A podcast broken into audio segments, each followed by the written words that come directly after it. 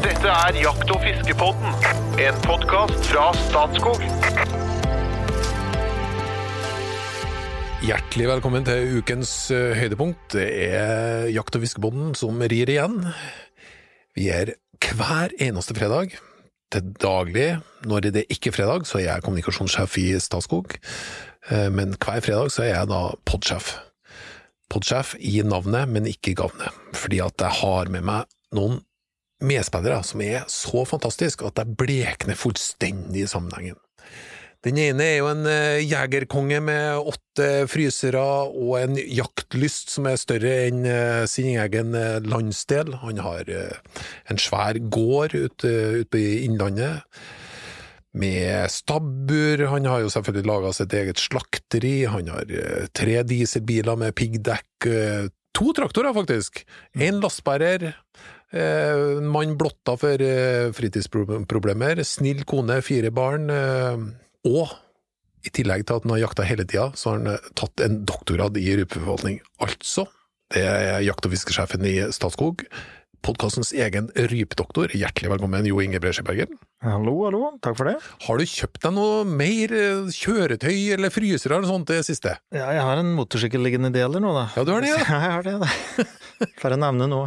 Men den går jo faktisk på bensin. Ja, det er den jo faktisk. Ja, du skulle ha Sånn den på diesel. Veteranbil. Ja, det er noe med det, men det er ikke så mye dieselmotorsykler. Så man må liksom ta, ta til takke med det en får, da. Men du kan jo skru på det der, altså. Ja, det syns jeg er litt moro. Det er liksom det å ta ting ifra når en setter sammen, at det har jeg litt glede av. Det, det er slik det hjelper ikke lenger, det. Vi har jo pratet om det tidligere på det, liksom læring gjennom generasjoner og eldre Ja, ja, ja. gutter, eldre gutter. Vi skrudde sikler, liksom. Startet med sikler og motorsager og støvsugere og skrudde ting ifra når en setter sammen igjen. Det var like vanlig da jeg, når jeg vokste opp. Ja. var ikke mye å ta seg til inn på Det det, du.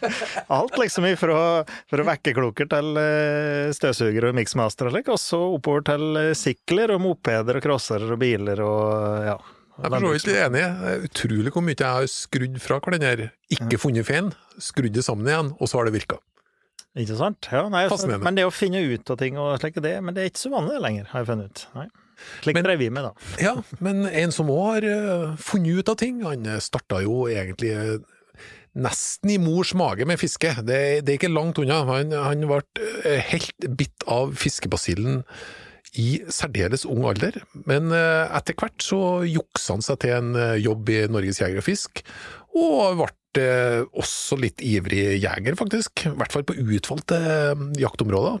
Kanskje spesielt skogsfugl, rådyrjakt, hjortejakt. Kanskje flere, det får han komplettere litt med sjøl. Vi snakker om en ivrig debattant fra Asker. Han er kjent for kjent radiostemme. Han er kokk, forfatter og bluesgitarist. Informasjonssjefen i Norges Jeger og Fisk, og podkastens egen kunstnersjel. Hjertelig velkommen, Mr. Espen Farstad! Thank you, sir. Mangler jeg noe? Jeg tok skogsfugl, rådyr, Biten, liksom. Jeg er jo rådyr, hjort ikke duejeger, nå. Ja, ja, ja. ja, ja. Må jo ta med det. Det var egentlig litt tabbe at jeg glemte det. Har du skrudd mye? Ikke på, ikke på mekanikk, jeg har ikke vært så ivrig på det. Um, men jeg har skrudd mye forsterkere. Altså, med, når jeg begynte å spille, og spille elgitar, så hadde jeg jo ikke råd til å kjøpe meg forsterkere. Sånn, så vi brukte jo gamle radionettradioer og sånn, skrudde fra hverandre. Brukte bananplugger og kobla rett på, fikk støt og holdt på, liksom. Så, og, det, og det var jo rørforsterker òg, vet du, ikke sant. Sånn at det var jo Ja, her går det jo et skille, da. For blant gitarister og sikkert munnspillere også, at det skal jo være rør. For å få den gode, varme, fine lyden. Og litt Ja, bruker det nå? Jeg bruker rørforsterker nå, ja. ja. ja, ja. Jeg, var, jeg har vært innom, fra 80-tallet og framover, har jeg selvfølgelig vært innom eh, mer digitale varianter, holdt jeg Ja, på å si. ja. Men jeg er tilbake på en ordinær rørforsterker nå. Da må jeg bare sjekke. Platespiller, har du det? Sånn LP-platespiller? ja, det har jeg, men jeg bruker den ikke. Jeg skal ikke si det. Jeg har det, men jeg bruker den ikke. Fotoapparat med film? Nei, det har jeg ikke, men jeg har jo vokst opp med det. Ja. Vi tok bilder, og så gikk det tre uker, så fikk vi tilbake og kunne se hva vi hadde tatt bilde av. Jeg prøver å forklare det til ungene mine, og så ser de rart på meg, vet du. Men ikke nok med de to ekspertene her. Vi har med oss en eh, kjenning i podkasten. En som har uante kunnskaper innenfor eh, ja, fiske generelt, men spesielt fluefiske. Han har eh, studenter, eh, så han kan fiske seg gjennom landet. Han bare ringer til en student i, i, i hvert enkelt tettsted, og utafor tettstedet òg, så bare ringer han, og så eh, kan han treffe gamle kjente gjennom hele landet. For der kjører han med Land Roveren sin, som er spesialinnreda med en haug med fluefiskeutstyr. Suser oppover fra ja, Rena-området og helt opp til Finnmark hver eneste sommer. Vi snakker om eh, Norges eneste høgskolelærer i fluefiske. Hjertelig velkommen tilbake til oss, eh, Tore Rygren. Tusen hjertelig. For eh, det har jo kommet til en eh, 10 000-20 000 lyttere siden sist. Knut, nå, eh, hva er du jobber? Du er høgskolelærer, hva går det ut på? Ja, jeg underviser ved Høgskolen Innlandet, på avdelingen vi har på Evenstad. Der har vi en linje som heter eh, jakt, fiske og naturveiledning, som går på guiding da, innenfor eh, natur og jakt og fiske. Så der underviser jeg i eh, 15 studiepoeng eh, fluefiskeguiding. Ja. Og den elva som flyter forbi den skolen, det er, Glomma. det er Glomma. Mm. Er dere mye å fiske der? Ja, det er vi. Hvordan fisk får dere da? Eh, Harr, ørret, sik, noe sik. Ja. Ja. Harr, det må jeg innrømme, det har jeg aldri fiska, men jeg hører det kommer til stadighet opp her. Harr, eh, fluefiske etter harr, det har jeg lyst til å prøve. Jeg lurer på om sjansen for å lykkes er relativt god. Du er, Jeg er jo litt opptatt av det òg, vet du. Du er, du er hjertelig velkommen. Jeg kan stille med både egne ressurser og studenter til høsten, så skal du inviteres på harrefiske. Ja, ja, ja, perfekt, perfekt. Ja, det, det er det virkelig. Harren er vår venn. Den er bitevillig og, og morsom å fiske. Ja, Litt artig fisk. og fin. Og så er den en vårgyter. Det gjør at den er ikke opptatt med gyting om høsten, sånn som ørreten og de andre er, så den kan du fint fiske utover høsten. Og det å fiske hørr, harr på liksom eh, i fine høstdager, ikke sant, I, i, hvor liksom bladene er eh, oransje og røde, og ja, du, står, du står og fisker i et maleri når du fisker harr om høsten. Øst. Østerdalen i høstskrudd og iskaldt vann og klart, og det, det er helt nydelig. Er det Ja, du, fis, du fisker med er det, er, det er jo ikke jeg som skal stille spørsmålene her, da, men, for vi skal inn på lytterspørsmål. Eh, Men eh, når du fisker harr, bruker du hele sortimentet, eller spesielle typer fluer du bruker? Nei, du kan jo fiske litt avhengig av sesong og når på året og sånne ting, da, men både, både tørrfluer og nymfer er veldig god harremat. Eh, Men Nå, nå sto vi da med i høstfarga og hvor er vi hen da? da er vi på små døgnflueimitasjoner ofte. Og så er det en morsom harrflue som alltid går igjen, da, som vi alltid kan bruke, og det er jo red tag. Så, som er en litt sånn eh, brun liten busteflue med en liten rød tag på enden, liksom. Ok. Alltid eh, Irriterende flue som har hengt med innen fluefiske i 400 år, faktisk. Som er alt og ingenting. Ja, ja. Men den virker. Virker. Så det er veldig morsomt. Kan du, men eh, ok, veldig spissfinner nå, for vi har vært litt inn, innom det tidligere. Kan du lage den red tag, var det som kalte det? Ja. Kan du lage den av noe fra pels og fjør fra norske skoger? Nei. Nei. Så her må Eh, du Ikke med mindre du går på jakt i en dyrepark, så er det litt vanskelig, for det er påfuglherl. påfuglhærl. Altså eh, fjær fra denne store, fine vifta til påfuglen. Aha. Det er som en, en veldig viktig komponent da, i Ja. flua. Mm. Eller så kan du erstatte Som, som, som gir Jeg må skyte inn der, for den, den, den, det påfyllet her, det er sånn det er sånn, Når du surrer det, så, så lager det en sånn fin kropp på flua, men det gir et litt sånn oljeaktig skimmer. Litt sånn som, i, sånn som skallet på en bille kan være. ikke sant? Kan du se for deg en Ja, ja, ja, sånn, sånn i flere, at du, du får flere Litt den effekten! Så den har litt sånn billeeffekt, ikke sant? Mm. Ja, Veldig flott. Tøft. Ja, eh, men som sagt, det var jo lytterne som eh, skulle, skulle, skulle smette inn en og annen ting i denne eh, episoden. Vi kjører rett på. Det er en Joakim Strid. Jeg kan òg nevne at han heter alfakrøllflyfishingnorway på Instagram. Tore, en eh, spørsmål til Tore eh, fra Joakim. Eh, Jeg skulle gjerne tenke meg å høre hvilken effekt og resultat man har i kjente flueelver ved bruk av rene fluesoner, og for eksempel regler for bruk av mothakeløse kroker. Har vi noe Jeg vet at han, eh, han Espen har vært litt inne på det før, og jeg kan, eh, Jeg skal utfordre hele gjengen her nå. Mm, jeg kan jo starte litt, da, men, eh, Men vi- først, først litt se hva det er for noe. Flue, fluesona. Hva, er- hva er det for noe? Ja, Fluesoner er ofte definert som at det er en, et, et område i et vann eller en elv hvor du kun har lov til å fiske med flue som har fluelina som kastevekt. Mhm. Eh, Så det vil si ikke flue og dupp. Og poenget med det er Um, ja, det kan det strides til lærde om, og det, da er vi over på politikk og ikke forvaltning, egentlig. Uh, men eh, jeg, selv om jeg er eh, 97,5 fluefisker uh, sjøl, så, så er jeg ikke sånn der supertilhenger av fluefiskesoner. Jeg føler at det, det ekskluderer eh, mange med annen type fiskeredskap, som kanskje ikke har lært seg å fiske med fluestang. Og, det syns jeg på mange måter er litt, eh, litt dumt. Så eh, jeg er mer tilhenger av hvis du skal ha en effekt da, som går på forvaltning, så er det mye bedre å sette strenge forvaltningsregler som bag limit eller gjenutsetting av stor fisk eller hva det måtte være, som skal til for å få godt fiske på den plassen. Det er mye bedre å sette en sånn regel som gjelder for alle, enn å diskvalifisere de som tilfeldigvis fisker med haspelstang. Mhm. Dette er, jeg, ja, dette er kjempeinteressant, fordi at eh, på langt på vei så følger jeg Tore på dette her sånn. Jeg, vi skal vokte oss vel for å lage fiskeregimer som virker ekskluderende. Vi er jo i, i sjel opptatt av at mange skal, skal inn og fiske. Men så, jeg har jo fiska en del i Galtstrømmen. Den, det, det må ha vært landets første fluefiskesone, tror jeg. Den har i hvert fall vært der i all den tid jeg veit om. Hvor er det? Det er øverst i Trysilelva, eller fe, ut fra Femund liksom, så renner en elv, og så er det et område der som er en veldig grunn, fantastisk spennende fiskestrøm, ganske lang da, noen hundre meter, som liksom svinger gjennom, gjennom et grunt, veldig fiskerikt, veldig sårbart område, på en måte, i den forstand at det er liksom Du kan forstyrre fisket litt. Jeg, jeg, jeg skjønner godt at man ikke ønsker at folk skal gå og pælme sluk der, for det det ville ødelegge på en måte for det litt mer forsiktige, da, eller varsomme, kan jeg si, det fluefisket. Så, så det er litt sånn jeg synes det er, Og det er lov å fiske med sluk på oversida og på nedsida, liksom. Ikke noe problem, men akkurat strømmen er forbeholdt fluefiske. Den skjønner jeg. Og så veit jeg at det har vært ganske kraftige diskusjoner rundt dette, for eksempel i Rena, da, som du kommer fra. Det kjenner jo du bedre til enn meg. Eh, og hvis det er sånn at folk blir litt såre for at de føler seg fortrengt, så syns jeg det er, det er jo litt synd, på en måte, da. Ja.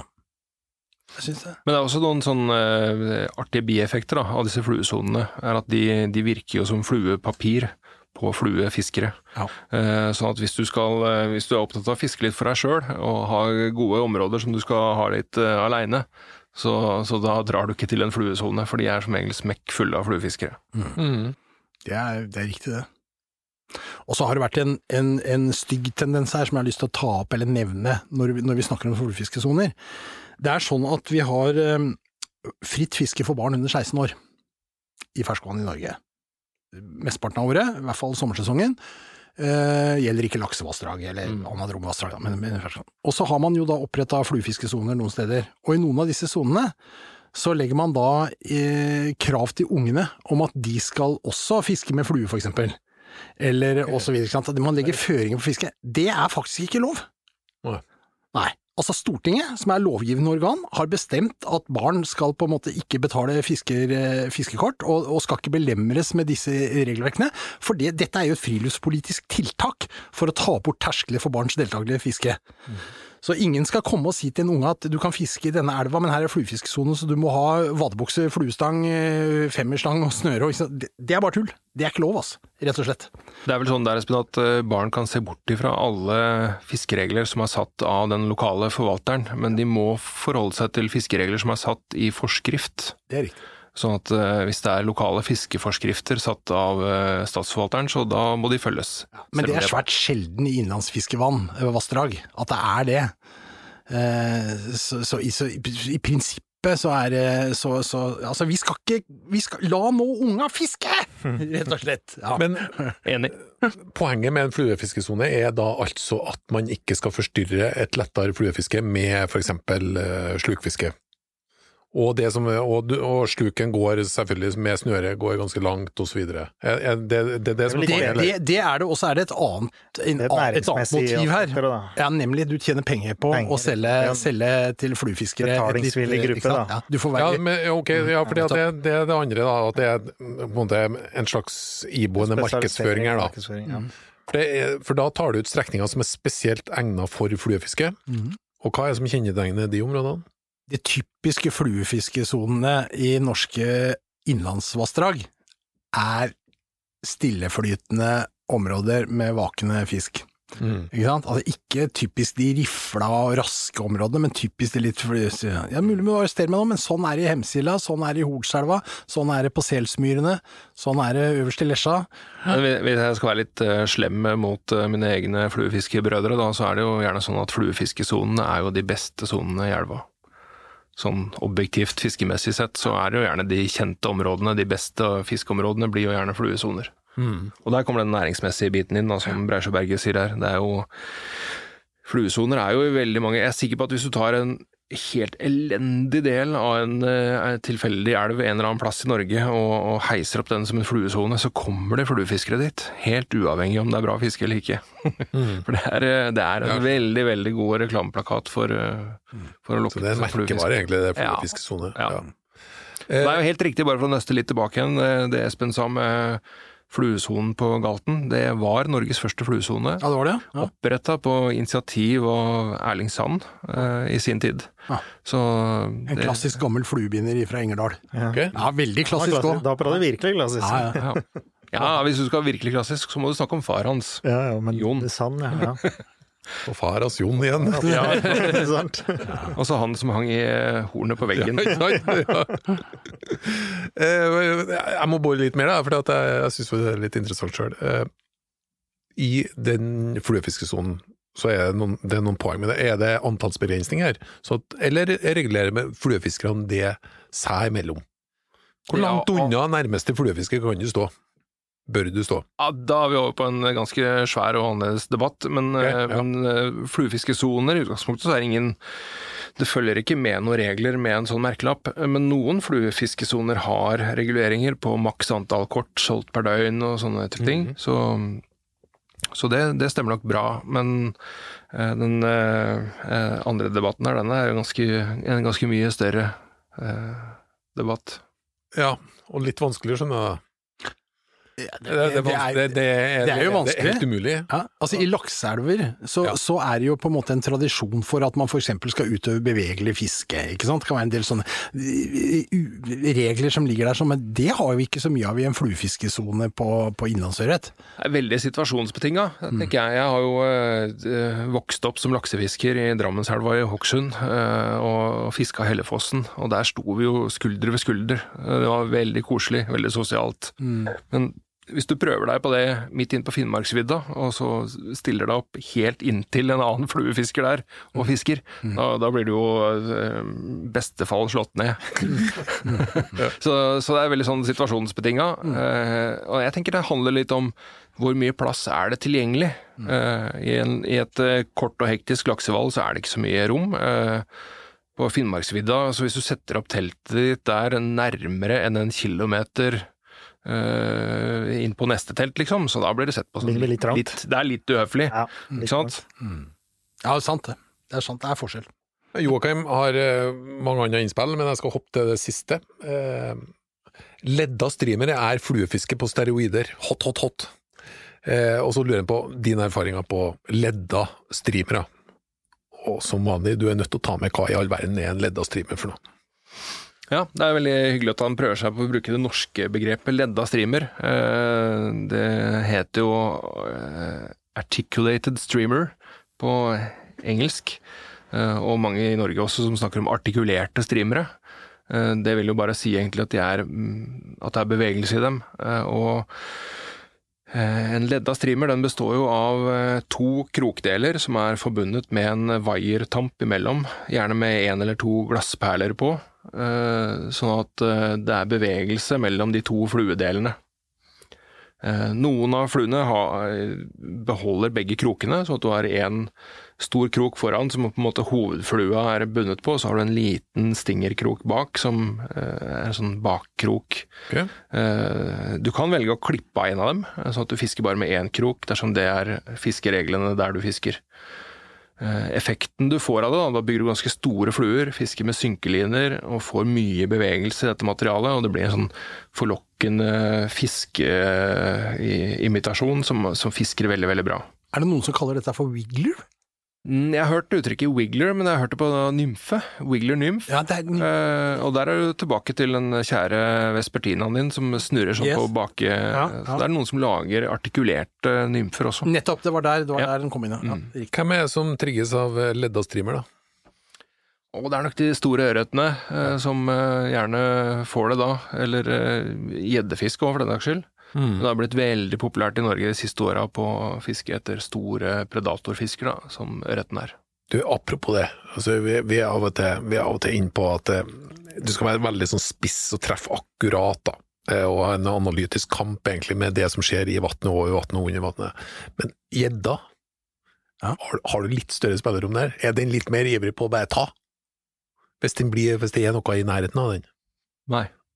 Ikke den, eller? Gjedda kan være en eh, utrolig sær og kilen fisk. Som, eh, så vil den ikke, så vil den ikke. Eh, andre ganger så kan det være veldig enkelt, men akkurat sånn er ørreten også, så jeg klarer ikke å si at det er noen sånn kjempeforskjell på det. For gjedda den virker jo litt sånn altså, Man skulle jo tro at det var en sånn 100% opportunistisk predator Ja. som bare kasta seg på alt som kom forbi, fra små andunger opp til uh, halvstore robåter.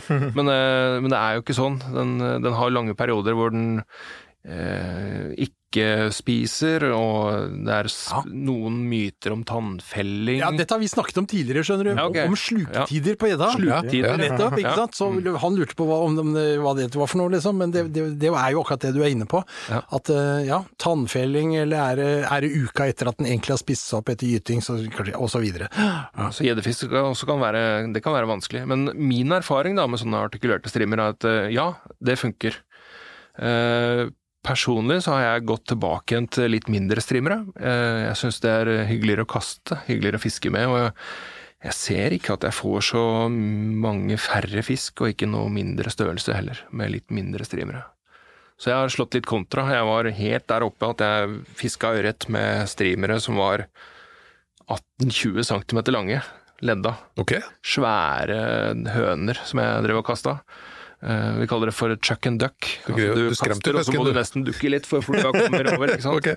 Ja. Så, mm, men jeg har gått derfra tilbake igjen til uh, mer sånn klassiske små streamere, og fisker ganske bra med de.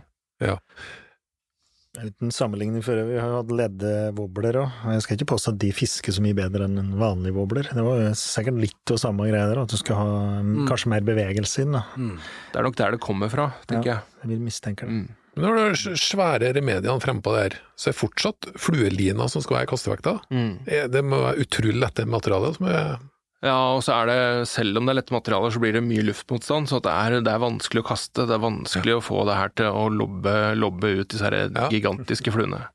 Og når du snakker om gjeddefiske, da, så der har jeg jo vært oppi største gjeddeflua jeg har fiska med, den er på 33 cm. Og det er ikke noe, sånn der, det er ikke noe verdensrekord, det. Men, eh, men det er et, sånn, et mønster fra en nederlandsk fluebinder som den flua heter The One Foot Fly. Altså den er én fot lang. fot lang, ja. Ja. Så da begynner vi å snakke fluer. ja, ja, ja, ja. Eh, vi streifer innom valgets kval, karer. Espen Jo Inge Tore. Skogsfugljakt i Sverige, eller brøljakt på hjort på Vestlandet? Sverige. Skogsfugljakt på Sverige. Espen, Sverige. du får råd til Sverige på skogsfugljakt. Tore? Jeg ville valgt uh, hjortejakt. Det er, uh, hjort er omtrent det eneste i norsk fauna jeg ikke har skutt. Oh, ja. Så det kan jeg godt ha tenkt meg. Hva er brøljakt? For her har vi nemlig fått litt hjelp av våre lyttere til å lage valgets kval. Det er jo brunst, da, så går, eh, går de store bukka og brøler. da.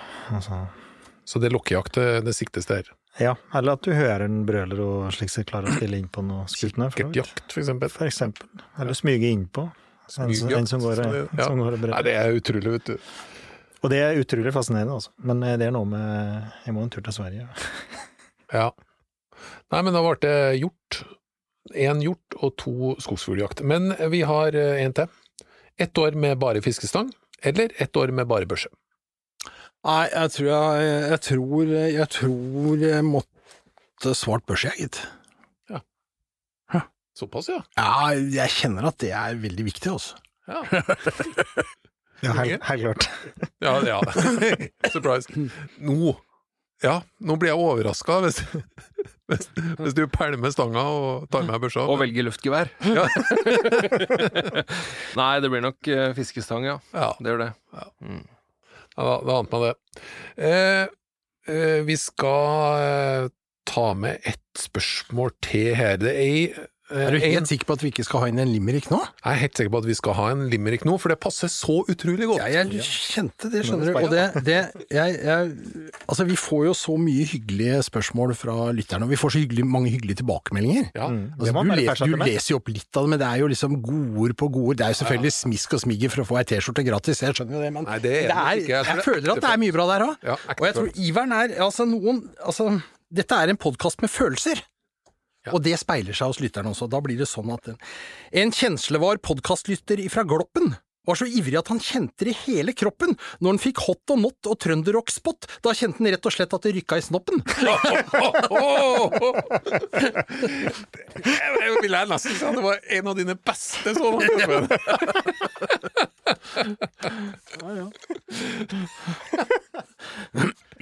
Og du, Espen, er- Serien følger våre vaner. Eh, Carl Røyne Damli. Jeg har et eh, spørsmål. Jeg har et par vann som ligger 1200 meter over havet. For, en, for en begynnelse. Jeg har et par vann som ligger 1200 meter over. Tore, Ja. nå snakker vi! Men Adresse. jeg har ikke klart å knekke koden på fluevalg i disse vannene. Jeg kommer. Jeg har fått fisk med sluk og med mark. Hva slags insektliv er det så høyt til fjells? Vannet ligger sentralt på Østlandet, fiskekjøttet er lett rosa. Og nå, Carl, du har da anledning til å få veiledning. Hvis, hvis du veileder noen frem til vannene, så, så, så kan du nok få testa ut litt, men vi tar det muntlig her nå først.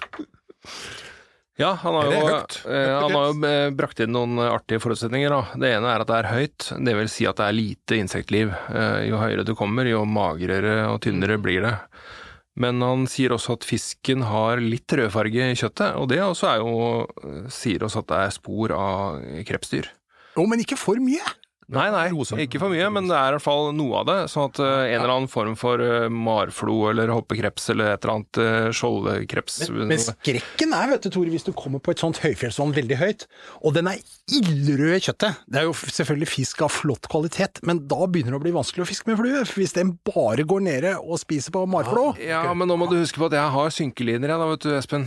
Eh, Så jeg, jeg fisker, med, fisker med det Sa også. han med letthet og stolthet. Å, men, eh, men, eh, men jeg, jeg skjønner det, Tore, men det er ikke lett å fiske marflo, for å si det sånn. Nei. Det finnes kurs. Ja, det finnes Akkurat. Nei, altså helt dønn seriøst, så, så det er en av de tinga som på en måte virkelig har lysna for meg de siste åra, er, eh, er å fiske under vann med myggimitasjoner. For eh, mygg, fjærmygg, det er på en måte det næringsemnet som går igjen overalt, over hele kloden. Det er kanskje det viktigste fundamentet for hele livsformen vår på kloden, det er fjærmygg. Det fins i tusentall, og det fins eh, høyt og lavt, og, og så Myggimitasjoner, fjærmygg, eh, små bøssere, eh, fluevalg eh, oppe på fjellet. Fjærmygg kontra mygg. Altså, for meg så er mygg mygg. Ja, det er eh, samme spetakkelet. Fjærmygg er en ikke- ikke-stikkemygg. Å ja. eh, som eh, Finnes det òg, ja? Ja, ja, ja. Det gjør det. har 72 myggarter, bare. Det er, ja. En mygg er ikke en mygg. Det Forundrer meg ikke. Nei, det er det er i hvert fall veldig mange myggarter i Norge òg, faktisk. Ja, jeg ville tippa noen hundre. Men, Ja, ja det, eh, men det er i hvert fall mange. Ja. Så mygg, mygg er det selvfølgelig. Det er, så- ja, selv om, de, selv, om, du- men- ja, ja, men men- selv om du ikke opplever stikkemygg, så er det helt sikkert fjærmygg eller et eller annet des- sånt der oppe. ja. Eh, En annen eh, steinfluer er også kjent for å kunne krabbe høyt til fjells. Eh, Så det også vil en kanskje finne. eh, Jeg har en del. Du har en til? Jeg har det. som, som, og 1200, jeg tenker 1200 meter sentrale Østlandet, liksom, vi, vi, snakker, det er jo ganske høyt dette her da. Det kan liksom være sånn type Hardangervidda, men det kan også være litt sånn Jotunheimen, eh, disse traktene her sånn, ikke sant? Sånn omtrent hvert, jeg tror det er hvert tredje år, hvert femte, tredje, femte år, så får du bloddråpesvermere. Mm, de er fine. De er veldig fine, og de kan være veldig mye, og det kan skape vakfest, altså høyt, høyt oppe. Eh, Jeg har en kollega som var på, på fjellrypejakt eh, helt bort på Vestlandet, helt på det bratteste, høyeste borti Lærdal, eh, borti der. Og på 1400 meter så opplevde han altså fantastiske vakinger nå 10. september, med, og da var det bloddråpesvermer all over, liksom. Men, det, men det, det, vi kan jo gi noen verktøy på veien. da. Han kan jo først og fremst prøve å identifisere om det vaker der. Hvis han ser vak, så da kan det gå ut fra at eh, ok, da er det noe utvikla insektform som, som er i overflata. Hvis han ikke ser vak i det hele tatt, så da er det jo det å fiske med fluer under vann primært, som eh, nymfer, eh, bøssere, myggimitasjoner, myggpupper, som er eh, greia. Og så jeg ville gjort en annen ting òg, for jeg orker jo ikke det. Hadde ikke, du hadde gått også, der nede og vært proff på det, og jeg skjønner jo hva du sier, men jeg hadde ikke orka det. Så jeg hadde lagt ut en eh, daddy, altså et stankelbein. Det er også høyt til fjells, nemlig, og de blåser på. Det er jo en Den er så svær, altså, den er så svær som en eh, gammeldags femmer, ikke sant? Det er som et kumlokk, og ligger utpå der sånn og, og flyter. Og, og, og det kan ofte være noe som, eh, særlig ørret, som er litt sånn opportunist og går på. Hvis det ikke vaker, er det bare dumt å gå med såkalt tørt. Eller Du, du skal i hvert kan fall være en veldig trassig og tålmodig mann for å holde på med det. Der har men, du eh, men, Det var en undertone. Men det kan funke, det. Eh, Og sånn ventefiske med daddy, det er ikke det dummeste du gjør. Og det er ikke det dummeste å stripe det litt av og til Nei, nettopp. Så, så det, det funker jo, det. CDC eh, Daddy. Ja, ja. Oh, det er fint. Nå hadde jeg egentlig tenkt å gå ned for landing, men vi, vi sveiper innom ett spørsmål til. Audun Ose Tole, for han er litt, litt lenger ned i, i terrenget. Jeg har ei fluestang på hytta som jeg så gjerne skulle lært meg å fiske med. Har hytte på ei øy i et skogsvann i Finnemarka, der det til tider koker med fisk som tar fluer, skråstrek insekter. Noen tips til hvordan jeg kan komme i gang med fluefiske? Har prøvd ut litt i sommer, men tar gjerne imot tips til å komme i gang på en enkel måte. Og da, Audun, kan jeg si aller, aller først, vi har en egen episode om det å komme i gang med fluefiske. Den anbefaler jeg sterkt å høre.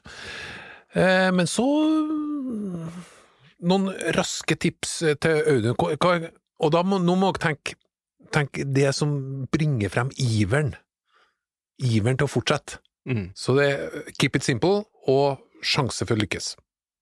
Hvis jeg skal Ja. se hva som trigger meg, da. Han kan jo enten høre på oss, eller så kan han melde seg inn i Norsk eh, Fluestangeierforening. Eh, Det er en av Norges største foreninger eh, av ikke-praktiserende fluefiskere som har ei fluestang hjemme, eller på hytta. Det er ganske mange som har det. Så den, den dørstokkmila der, den er ganske lang og høy og vanskelig for mange. Ja. Eh, Men tipset er jo soleklart. Kom deg på et kurs. Kom deg på et eh, kastekurs, eller enda bedre, hvis det er noen som tilbyr et fiskekurs med fluestang. Da, da får du så mye gratis, og det vil spare deg for mange års frustrasjon. Det er nesten så jeg aner meg hva han Espen Farstad kanskje kommer med nå. Ja, ja det, jeg, tenker det er på sin plass å nevne at hvis du går på njodff.no, så finnes det en kal kalender der. Og der kan du gå inn og søke ja. fluefiskekurs, eh, fluekasting eller fluefiskekurs, og da popper det opp, skjønner du. Både her og der. For da er det ikke bare fluekasting, men da er også litt kunnskap om, eh, om eh, fluefiske, eller? Det er jo en av mine kjepphester vært i mange år, at uh, du lærer ikke fluefiske ved å lære fluekasting. Det er bare ett av verktøyene. Så det også, hvis du kommer borti et miljø som kan tilby deg et kombinert kurs der, med litt fluefiske og litt fluekasting, så da får du veldig mye gratis. Ja, det var egentlig, det, egentlig så var jeg veldig, i stedet for å hoppe inn noe, du bør kjøpe, prøv den og den og den flua, eh, eh, sving innom et eh, fluefiskekurs. Da er du godt i gang, og da er sjansen for å lykkes mye, mye nærmere. Ja. Men eh, eh, for å gi den det tipset han egentlig ville ha, Ja. eh, kjøp en neve med black nat eh, og legg det ut sånn rundt eh, 29. mai til 6. juni, så da får han fisk. Black Nat, Mm. hva er det? Nei, det er noe som muligens kan eh, imitere en myrleinflue på en god dag, og det er det som klekker i Finnmarka på den tida. Ok. Jeg har vært der. Ja, da, er du, da vil jeg si at du fikk et supertips. Ta med Mauro, da. Ok, da. Kan ta med Mauro. Ja. Ja. Så er du helt på sikre sida, det er helt riktig. Hvis du i tillegg går på kurs, så er suksessen Så mye sikker. Vi skal faktisk gå ned for landing. Dere som har fått eh, spørsmålene lest opp i dagens program, dere må huske på å sende melding med adresse og størrelse på T-skjorte, og mobilnummer for sporing av forsendelsen. Da ender dere nemlig opp med Jakt- og fiskebåtens eh, unike T-skjorte. Den er faktisk helt umulig å kjøpe for penger. Du er nødt til å gjøre deg fortjent til den. Tore, for eksempel, som har besøkt oss flere ganger i studio nå, han har gjort seg absolutt fortjent den. Det er nesten helt på grensa til at vi lager en spesialversjon med ei av fluene som han har bundet til den norske flueboksen, så vi kan lage en eh, egen spesialversjon. Vi holder på å nærme oss, men bare jobb på, Tore, så, så blir det Før vi fader helt ut, skal vi ha eh, dagens høydepunkt, hot or not. Og rekkefølgen er Jo Inge, Tore, Espen. Er du klar? Yep. Klar? Ja, ja, men. Ja, ja. Du er å konstruere, du glemmer å svare. Krydderet aromat, hot or not? Not. Not. Not. Det var not på alle mann. Krydderet gastromat, hot or not? Not. Not. Not. Hvitløk, hot or not? Uh, Not. Beklager. Hot. Ja, hot. Not? Jeg, jeg treter ikke det. Du, Tretter ikke det? du tretter ikke det. Det minner meg, de, vet du, de herja litt med han eh, Matoma på eh, The Voice. Ja, han er for Flisa. Ja, men jeg syns det er veldig fint, jeg. Du har kjempefin dialekt, og det har han òg. Ja, men det har jeg jo, men han kan jo forklare hva han prøver å si. Jeg tretter ikke hvitløk. Jeg tåler ikke hvitløk. Ok, er Du tåler ikke. Nei. Det er ikke det at du ikke liker, men du tåler ikke? Nei, jeg ikke. liker det. Ja, ja, ja. ja visst. Akkurat, Ja. der kan du se. Det er en forklaring. Kommer Men jeg tretter ikke. Nei, tretter ikke. Akkurat. Tåler ikke. Det er gærhertig. Ja, hvitløkssvak. Ok, Ja. dialekt, hot or not? Ja, det er hot. Hot. Ja, hot. Møbelet stressless, hot or not? Ja, jeg må nesten si hot. Hot. Nei, not. Hva sa du, Espen? Not. Not, ja. Not, ja. Bilmerket Land Rover, hot or not? Ja, det er noen forbannede dritbiler, men jeg, for, jeg må nesten si hot da, for, på vegne av Tore her. Det finnes jo ikke bedre bil, så den er jo definitivt hot. Nei, det er litt hot. Det er image-greie, da. Hvor, mye setter du av til servicekostnader i løpet av et år? Er nesten ingenting. Det er eh, gratis, og i tillegg så Land Rover er jo en av de få bilene som stiger i pris. Ja, det er de Noe faktisk. så helt ellevilt. Det er jo helt vilt. Det er jo investering, det er gullgruve og sjel og Det er fordi at du har Så vi så skal mye innredning med forklare hot og not, har vi hørt når vi lang... Gore-Tex, hot or not? Not. Not. Ok, siste og avgjørende fra Åge Aleksandersens album fra 2011, Furet værbit, låta Totalkapitulasjon, hot or not? Not. Not. Hot på alle sammen! Takk for følget, og hjertelig velkommen tilbake neste fredag.